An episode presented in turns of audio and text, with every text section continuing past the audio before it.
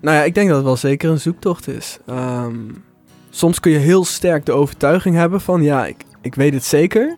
Maar ik heb ook genoeg momenten gehad dat ik echt gewoon ook twijfelde en zo van, hoe zit het nou? En weet je, is het nou God of is het niet God? En ehm, ja, daar kom je maar op één manier achter. ja, gewoon, gewoon doen.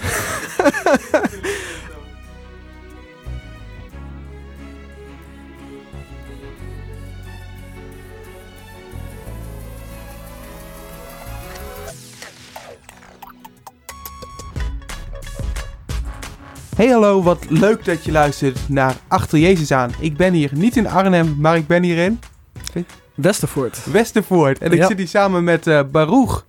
Baruch van Beek. Dat klopt helemaal, ja. Zou jij jezelf eens willen voorstellen voor de mensen die jou niet kennen? Nou, ik ben Baruch van Beek. Ik eh, woon in Westvoort, dus ik ben 29 jaar. Ja. Christelijk opgevoed. En ehm, ja, een beetje werkende, sparende voor mijn zendingsmissiereis naar Japan. Zendingsmissiereis naar Japan. Ja. Daar, daar gaan we het later in de podcast eh, nog over hebben, want je maakt me behoorlijk nieuwsgierig op dit moment. Oké. Ja, ik heb jou eh, leren kennen toen we bezig waren voor Momentum voorbereiden. Fantastisch evenement. En eh, nou, toen dacht ik, dan moet ik eens een keertje naar Arnhem toe om met de jongen te praten. Want ik denk dat, dat je voor de luisteraars ook zeer interessant bent. Ik ken jou als iemand die ook heel erg op zoek is naar het meer van God, hè? naar het bovennatuurlijke. Ja. Van, ja, je neemt niet genoegen met wat al bekend is, maar je bent echt zoekend en heel Ja. avontuurlijk volgens mij. Klopt. Hey, deze podcast die heet eh, Achter Jezus aan. Wat is het eerste waar je aan denkt bij die eh, woorden? Of bij de zin? Of bij de titel? Nou, bij Achter Jezus aan dan moet ik eigenlijk gewoon meteen denken aan ehm, wie je bent. Weet je, wie ben je volgens, weet je, achter Jezus aan. Dan waar is Jezus? Jezus die, ehm, die stierf aan het kruis, hij stond op uit de dood. Amen. En hij ging met hemelvaart weer terug naar de Vader om de Heilige Geest te zenden. En tegelijkertijd ehm, ja, moet ik dan ook gelijk denken aan gewoon wie je bent. En dat dat heel erg, dat wat Jezus deed en zijn levenswandel, dat het eigenlijk ook heel erg onze identiteit bepaalt. Dus dat we, dat we met hem gekruisigd zijn, gestorven zijn aan het kruis, met hem begraven, met hem opgestaan uit de dood, dat we met hem gezeten zijn in de hemelse gewesten. Dus eigenlijk alles waar Jezus doorheen is gegaan, is eigenlijk waar wij met hem doorheen ook zijn gegaan, als het ware. En dat we daar onze identiteit in vinden. Dus dat je een nieuwe schepping bent, dat je in de hemelse dimensies, in de hemels gezeten bent met hem. Wauw. Dat is eigenlijk het eerste waar ik aan moet denken, gewoon wie je bent. Ja, Ja, gaaf. Henry Nouwen heeft daar zo'n mooi boekje over volgens mij, eh, als ik me goed herinner. oké, ken ik niet. Ja, oké. Of eh, je bent niet wat je doet, je bent niet wat je hebt. Je bent niet wat andere mensen van je zeggen, maar je bent wat God van je zegt. Ja.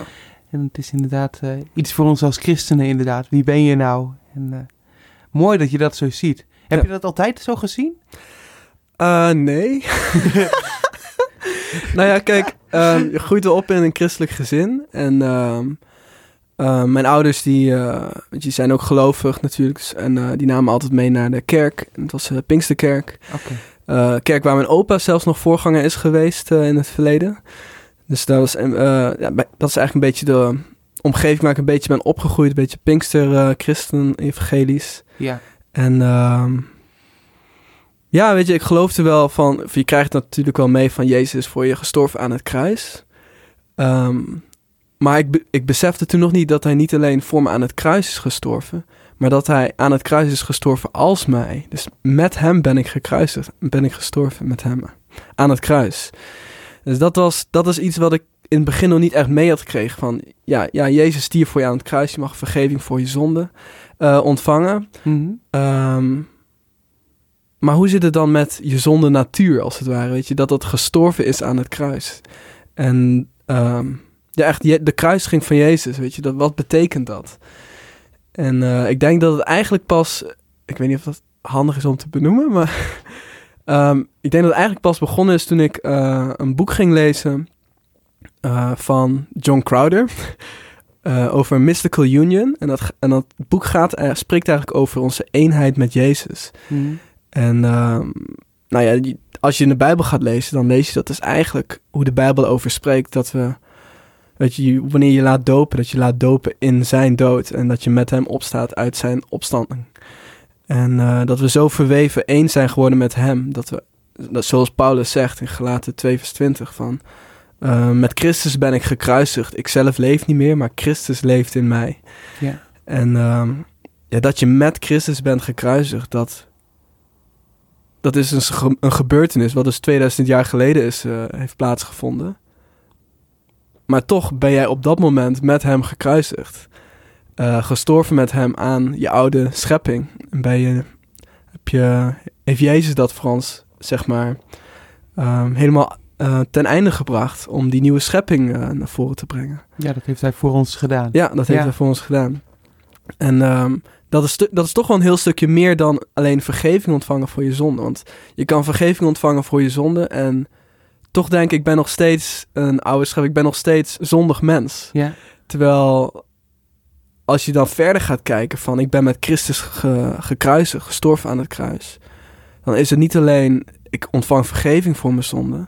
Maar dan is het ook van um, ik ben een compleet nieuw mens geworden. ben een compleet nieuwe schepping geworden. Ja. Dus het is niet meer het diepste van mijn binnenste, van mijn wezen wie ik ben. Hmm. En dat, uh, ja, dat gaat veel dieper, echt identiteit. Ja. ja.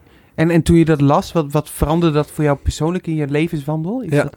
Nou, de eerste keer toen ik dat boek las, toen uh, werd ik zoveel meer bewust, uh, ja, eigenlijk van mijn eenheid met Jezus, dat ik ook gewoon Gods aanwezigheid gewoon zo in mijn lichaam voelde. Gewoon zijn vrede, zijn liefde, zijn aanwezigheid. En was het niet gewoon één keer moment dat je even Gods aanwezigheid ervaart, maar dat je gewoon, dat je één bent met, met, met Gods geest. Ja. Dat je één bent met zijn aanwezigheid. En um, wauw, ja, dan raak je overweldigd door zijn liefde, door zijn, door zijn glorie, door zijn... ik voel het, merk het nu al een beetje nu ik erover begin te praten. Maar, maar dat je gewoon, ja, misschien ook wel een beetje...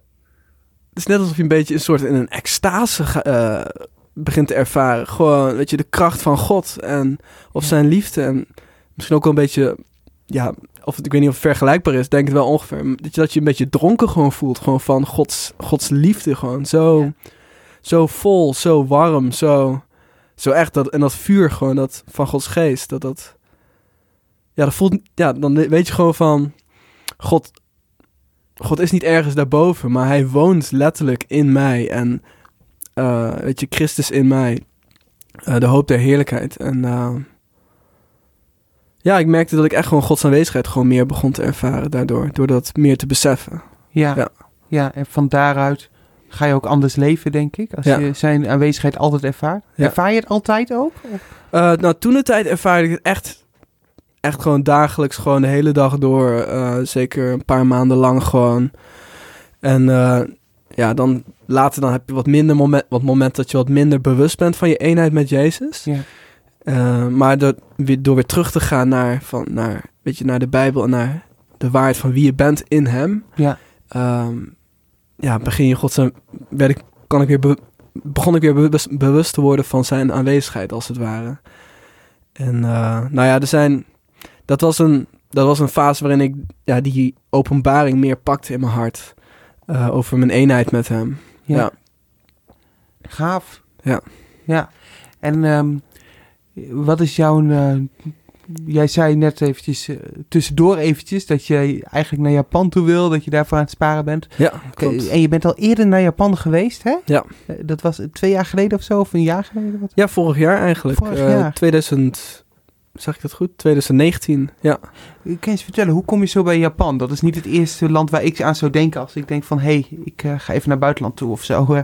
Ja, nou ik heb uh, in het verleden wel vaker profetieën gehad... Uh, van mensen die zagen me echt naar Azië reizen. Oké. Okay. En toen was, ja, Japan was nog niet echt per se uh, in, het, uh, in, het, ja, in het zicht als het ware. Nee. Maar het is natuurlijk wel deel van Azië. Ja. En uh, dus ik, ik heb altijd al, ook wel in mijn hart ook wel dat, ja, die overtuiging gehad van God roept me om ook meer voor, hem, voor zijn koninkrijk te doen in Azië. Dus niet per se in, in China of een specifiek land. Mm -hmm. Maar twee jaar geleden toen was ik aan het bidden. Nou, dat is wel lang, drie jaar geleden nou, denk ik. Toen was ik aan het bidden en uh, ja, was ik echt gewoon met, met papa God gewoon tijd aan het besteden. besteden. En uh, toen, eh, toen sprak God tot me en toen zei hij van... eh, Baruch, ik wil dat je stappen gaat maken om naar Japan te, te gaan. En eh, ja, op dat moment was, was die stem was zo duidelijk voor mij. Dat ik, ik, ik- en ik had, ik had gewoon zo die overtuiging in mijn hart van... eh, eh, ik had er geen twijfel bij, bij de stem die ik hoorde, zeg maar. En ik wist gewoon, ja, ik geloof echt dat God dit van me vraagt op dit moment. Dus toen, eh, ja, toen ben ik gewoon gaan eh, werken, gewoon gaan sparen. En toen ben ik in 2019 gewoon gegaan. En ik, had, ik had van tevoren wel even gevraagd van, of mensen voor nog connecties. Of? Mensen die misschien christenen in Japan kenden. Maar ik, ik had helemaal geen connecties voordat ik naar Japan ging. Oh joh. En, en ik, had ook, ik, ik had ook met een organisatie kunnen gaan. Ja? Eh, had ik natuurlijk ook wel kunnen doen. Maar op dat moment ervoer ik echt van God van om dat juist niet te doen. Omdat ik ehm, juist ook een beetje die ruimte voor mezelf wou creëren. Om juist een beetje te verkennen ook gewoon. En Ja. te kijken van wat, wat, wat vraagt God van me om in Japan te doen. Ja. Met zo'n organisatie is het vaak al helemaal besloten wat daar gedaan wordt. Precies, ja. Oké, en maar, maar dus dat is echt een sprong in de diepe.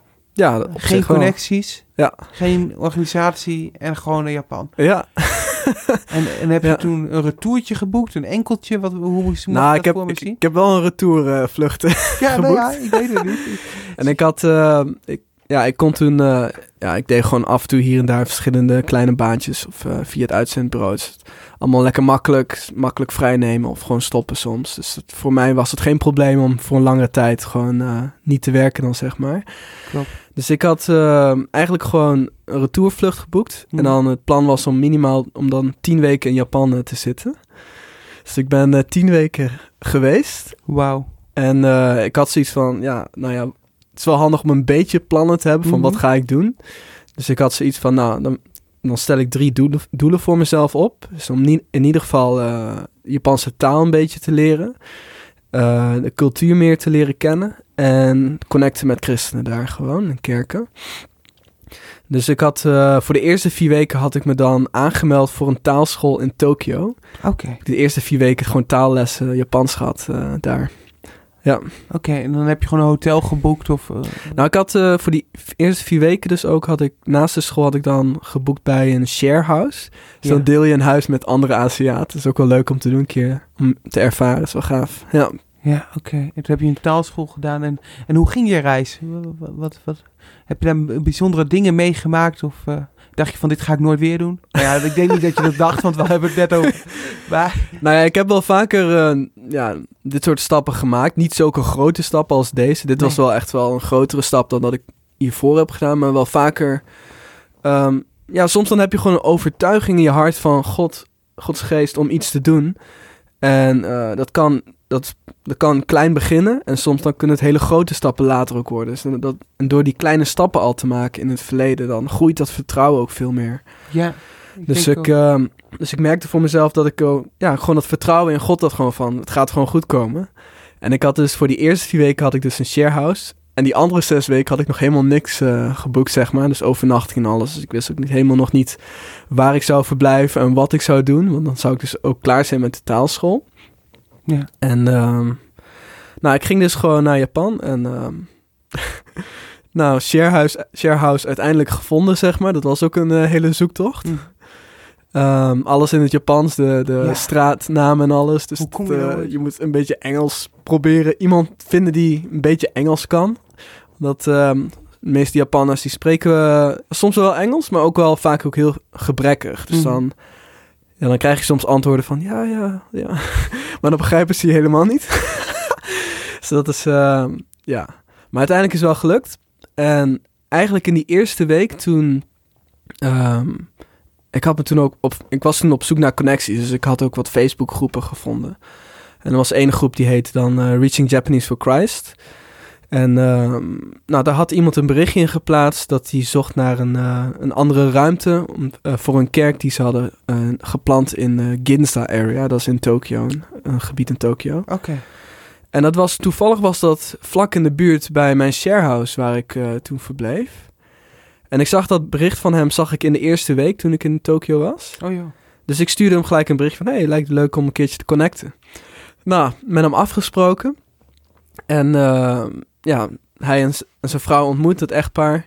Bleek dat ze battle eh, school hadden gedaan in Amerika. En, eh, en dat ze dus net een week, op het moment dat ik ze hun had ontmoet, dat ze net een week geleden een kerk hadden geplant in Tokio. Wauw.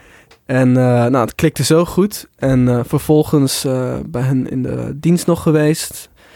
En eigenlijk de dag daarna vroeg ze meteen van... Ja, Baruch, zou je deel willen zijn van het leiderschapsteam van onze kerk? Zo, dat is wel snel. En dat was in de eerste week. En dan had ik nog eh, negen weken te gaan. Ja.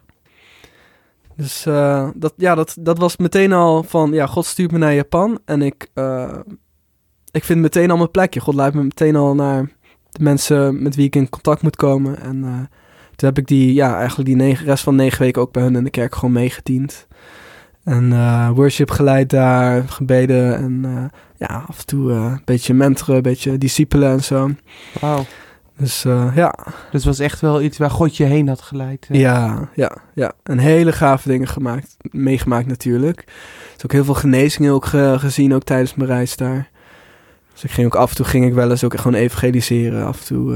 Ja? Ja, ja. En, en hoe, is, ehm, hoe is Japan? Is dat, is dat een, op zich een christelijk land? Ik, ik heb. Nee. Nee, hè? Japan is, ehm, even kijken, als ik het goed zeg, is het vooral ehm, boeddhistisch en Shinto.